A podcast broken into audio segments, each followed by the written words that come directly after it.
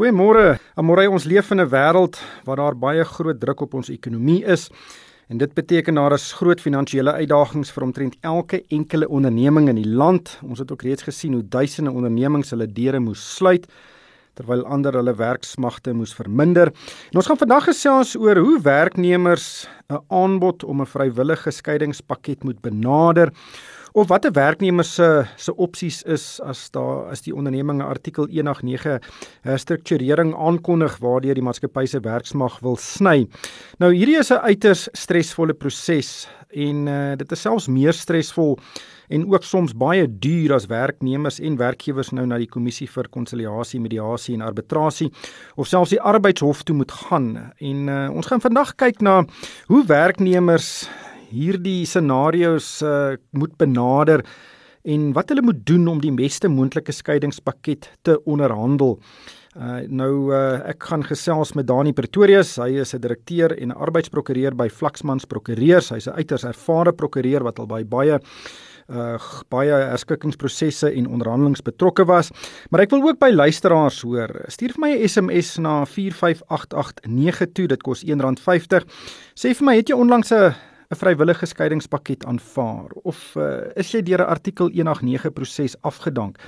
Uh, het jy probeer om te onder te onderhandel vir 'n beter pakket? En en wat was jou wat was die houding van die werkgewer toe jy nou wil onderhandel oor 'n pakket en en wat was die belangrikste lesse wat jy geleer het in hierdie hele proses? Stuur my SMS na 45889 toe dit kos R1.50. Maar Dani, uh, baie welkom by die program en dankie vir jou tyd vandag. Nou ons sien in baie ekonomiese aanwysers dat baie mense besig is om hulle werk te verloor. Hulle het reeds of het reeds verlede jaar hulle werk verloor. Die uh, ekonomiese vooruitsigte vooruitsigte lyk ook nie te rooskleurig nie. En en dis 'n realiteit wat baie mense moet besef kan waar word. Hulle kan hulle werk verloor in die nabye toekoms. Uh hoe hoe, sien julle die, die die tendens tans op die grond? Ehm um, goeiemôre. Baie dankie vir die vir die kans om met julle met jou luisteraars te gesels. Ehm um, ons in my firma sien op die oomblik dat daar geweldig baie ehm um, advies bedien word met betrekking tot afleggings. Ehm um, dis die afgelope jaar het ons baie min ehm um, advies moes gee oor stakings en en allerlei ander ehm um, fasette van die arbeidsreg en ons word omtrent primêr ehm um, gevra om advies te bedien oor oor hoe om die beste herstrukturerings en of net afleggings te doen omdat besighede net nie meer kan bekostig om die mense te hou nie. So dit is dit het nog nie ons het gehoop dit sal begin taan, maar dit het nog glad nie begin taan nie. Dit gaan maar net voort. En dit is nogal kommerenswekkend want vir arbeidsreg professionele mense soos ek sal mens graag wil wil sien dat hierdie tendens ophou en dat ons eerder meer begin kyk na die goed wat gewoonlik gebeur wanneer die ekonomie aan die gang is soos vreeslik groot oornames en herstrukturering hmm. omdat hierdie besigheid besig is om vooruit te gaan. Ja, dis 'n interessante scenario ek dink vir die bedryf ook want baie keer sal maatskappye regsadvies inwing om die beste uitkoms vir die maatskappy te onderhandel of te bewerkstellig en nie altyd vir die werknemers nie. Is dit die geval hoe besorg is maatskappye in die algemeen om die beste uitkomste vir hulle werknemers uh te verkry of is dit maar hulle probeer maar soveel geld spaar as moontlik en wat nou maar gebeur met werknemers is nou maar so. Dit dit verskil van werk van die grootte van werkgewers verskil dit nogal drasties. Die die die groot korporatiewe werkgewers het 'n het nogal 'n um hulle hulle kyk hulle probeer na hulle werk um nemers kyk en um het 'n gewete in daardie opsig. Die die kleiner is vind ek is meestal maar aangewese op um op um om te probeer oorleef en derhalwe sal hulle probeer om die absolute minimum um te betaal en net te probeer deur die ding kom. Maar kom ons gesels oor die proses en en die opsies van werknemers. En ons kom ons begin by vrywillige skeidingspakkette. Baie ondernemings begin gewoonlik uh met vrywil, vrywillige pakkette as hulle hulle werksmag wil verminder En uh, wat wat is die regte van 'n werknemer as die werkgewer nou so 'n vrywillige pakket aanbied? Vrywillige pakkette grootendeels val buite die bestek van die Wet op Arbeidsverhoudinge omdat dit 'n uh, konsensuele ooreenkoms is tussen twee partye. Wat gewoonlik gebeur is, um, en dit word so half voorgeskryf en um, die arbeidshof sal sal 'n uh, werkgewer um goedgesind wees as hy eers probeer het om die ding by te lê deur die aanbieding van vrywillige skeidingspakkette. Nou waar dit interessant raak is ek moet altyd vir my kliënte wat meestal groter korporatiewe besighede is verduidelik dat daar's geen sin om 'n vrywillige skikkingspakket aan te bied as daar nie iets in dit is vir die werkgewer wat dit oorweeg nie. Um niemand gaan die vrywillige vrywillige skikkingspakket aanvaar as hy net presies dieselfde gaan kry as sy kollegas wat wag vir die valbuil om te val mettertyd en hy gaan langer in diens bly want gewoonlik is die groot trekpleister vir die werkgewer is om mense te kry om hierdie pakket te vat en te loop sommer nog dieselfde dag of kort daarna en dan is die die oorhoofse koste daarmee heen en hy en die werkgewer is bewus dat hy nou 'n mindere probleem om aan te spreek met die persone wat oorbly. So dit daar moet iets in dit steek en gewoonlik word dit ge, gebaseer op die minimum vereiste van die wet op um, basiese diensvoorwaardes is 1 week se vergoeding vir elke jaar voltooide diens. Um so daar's nou allerlei speletjies wat gespeel kan word hiermee en gewoonlik sou mens nie verwag dat die vrywillige skikkings um pakket minder sou wees as ten minste 2 weke nie. Maar daar kan allerlei ander nuances ook toegepas word soos Ehm um, dit kan wees vir nie net voltooide jare nie, maar ook vir jare wat nog nie voltooi is nie of vir prorata vir die jaar wat nog nie voltooi is nie. So mense jy, jy weet daar's daar's geweldig baie goed wat wat 'n uh, 'n impak kan hê. Die dilemma natuurlik is as dit 'n geweldige klomp mense is wat met afgelê word, dan sit die werkgewer gewoonlik met die situasie dat hy moet dit so so min hou as moontlik en dan is hy nie gewoonlik te oop vir um vir 'n vermeerdering van hierdie pakket nie. Um wat ook baie gebeur is dat die werkgewers probeer die pakket baseer op die op die basiese salaris alhoewel die wet op basiese diensvoorwaardes maak dit baie duidelik dat dit moet op jou totale vergoeding wees of soos soos wat dit in Engels gesê word cost to company. En dis 'n dis 'n heel ander ander getal want dit sluit goed soos jou pensioenbydraes in dit sluit jou mediese voordeel in dit sluit 'n kar toelaag in uh, om net maar 'n 'n paar te noem wat wat wat ter sprake kan wees. Ja. Maar die, die, ek dink dis baie belangrik om die punt te maak dat baie van hierdie elemente van so 'n pakket is onderhandelbaar en jy en jou werkgewer kan sit en onderhandel en dan kan daardie pakket verbeter word uh dit hoef nie noodwendig te wees hoeveel geld jy gaan kry oor die hoeveelheid jare wat jy of die aantal jare wat jy gewerk het by die onderneming nie. Jy kan ook onderhandel oor byvoorbeeld um verlengde betalings vir mediese fonds bydraes. Of jy kan dalk uh, probeer laat die werkgewer jou rekenaar vir jou gee. Is dit algemeen? Ja, min mense doen dit en ek dink dit behoort eintlik meer um aangewend te word want daar's 'n werkgewer sal sal spring vir die geleentheid om om hierdie tipe van goed wat nie so so direkte impak het nie aan te spreek. Um soos um jy weet waar jy waar jy kan sê maar kan ek asseblief my my um my skoot skootrekenaar kry en my selfoon kontrak behou um as 'n al jy weet as as 'n as 'n iets wat dit bietjie uh, uh, meer aan aanloklik vir jou sou maak as wat jy net eerder sou sê ek soek 3 weke vir elke jaar diens wat ek het. En ek sou dink dat werkgewers en ek het dit alself beleef dat werkgewers in daardie opsig heel inskikkelik sou wees om dit te oorweeg.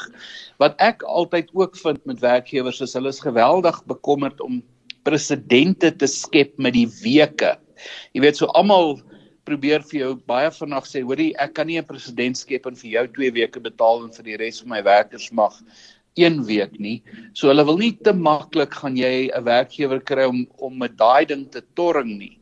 Um maar jy weet as jy kan jy kan ook um vir jou werkgewer sê kan ek nie asseblief aanbly vir 'n maand langer maar ek hoef nie te werk nie sodat ek 'n langer tydperk het om te soek vir 'n alternatief en sodoende bly jy op die mediese fonds, bly jy op die word jou pensioen betaal en daai tipe van voordele wat jy dan moontlik kan kry sonder om jy weet om om president wat die maatskappy vreeslik bang voor gaan wees um aan te das. Dis 'n SMS, 'n baie interessante SMS vraag wat vra moet die werkgewer vir jou sê wat die aanbod in terme van 'n 189 proses gaan wees as hy vrywillige pakkette op die tafel sit. So as jy nou die vrywillige pakket kry, weet jy waarmee om dit te vergelyk, ehm um, as daar 'n 189 proses is. Ehm um, gewoonlik en dit is dit is omtrent dit is baie selde dat die 189 formele proses enigiets anders sal in in die dokument wat uitgegee word sal hê as die absolute minimum. So ek dink 'n mens kan maar eintlik aanneem as daar 'n vrywillige skeidingspakket aangebied word dat die minimum gaan wees wat op die ou einde betaal sal word as jy dit nie sou vat nie.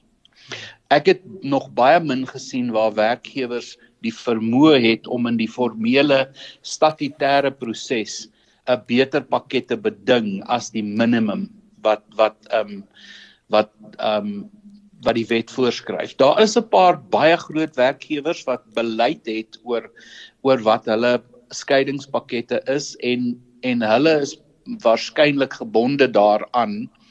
Maar dit is dit is baie baie min wat ek van weet. Ek weet van waarskynlik 2 of 3 sulke geweldige groot maatskappye wat sulke beleide sou in plek hê. Die meeste ander begin maar altyd by die minimum. Nou, wat is die grootste foute wat jy dink werknemers maak as hulle nou die die die opsie het om 'n vrywillige skeiingspakket te vat of nie? Ek dink grootendeels hoop hulle om die werkgewer te oortuig dat hulle moet bly en derhalwe wil hulle nie die die die die die skeiingspakket oorweeg nie. Um of hulle dink hulle is bang dat die pakket gaan verbeter die die minimum vereiste pakket gaan verbeter en derhalwe sou hulle dan dalk 'n maand of wat langer in diens gebly het want 'n uh, behoorlik uitgevoerde verpligte um afleggingsproses in gevolge die wet kan jy nie maklik doen vir alles daar baie mense betrokke is in 'n kort tydperk as 2 maande nie. So wat wat wat gewoonlik vir my um uitstaan is ek probeer altyd my werkgewer kliënte adviseer om te sê julle moet julle pakket vir die skeiding ten minste so goed maak om in ag te neem dat mense gaan 'n maand of 2 maande vroeër julle diens verlaat. En as jou jou skeidingspakket kleiner is as wat hulle gaan kan kry as hulle net die tyd uitwag, dan gaan niemand dit aanvaar nie en dan is dit eintlik sinneloos om dit aan te bied. So mense mense dit ook as 'n bedingingsposisie kon aanwend as jy dan nou as jy sien daar is die moontlikheid van 'n skeidingspakket wat aangebied kan word om te sê julle gaan moet met my konsulteer vir 2 maande want dis wat die wet vereis en ek sal bereid wees om nou te loop vir X pakket en dan betaal jy hulle my daai 2 maande se salaris uit somme somme nou al en dan het ek ten minste die 2 maande om werk te soek. So dis die tipe goed wat 'n mens na kan kyk. Hmm. Eh, kom ons skuif kyk nou na die 189 proses. Dis 'n meer formele afleggingsproses. Ek neem aan jou ruimte om daaroor 'n pakket te onderhandel is baie minder as met 'n vrywillige skeidingspakket. Dit is amper amper niks nie, want die arbeidshof gaan nie maklik met 'n pakket wat aangebied word in 'n in 'n verpligte proses van van die arbeidswet vir 'n werkgewer probeer oortuig om meer te betaal het nie. Want gewoonlik is die arbeidshof nie bereid om te probeer 'n 'n waardeoordeel verg oor of die werkgewer dit kon bekostig het nie. Slegs waar werkgewers afleggings doen om meer profijt te maak, sal die arbeidshof genee wees om te sê maar dan kan jy mos duidelik bekostig om meer te betaal um as die minimum. Maar ek moet jou sê ek het baie lank laas 'n uh, afleggingsproses hanteer waar die werkgewer afleggings wou doen omdat hy wou meer um uh, sy profijt op opskuif. Dit dit gebeur nie meer sommer nie.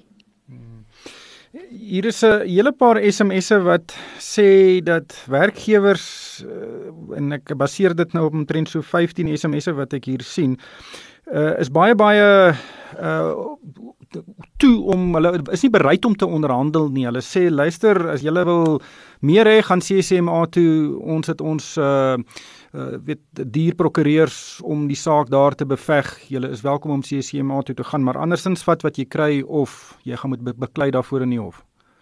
Uh, is dit 'n geval is dit is ek, ek het vir jou vroeër die vraag ook gevra maar is die houding van werkgewers werklik so onwrikbaar?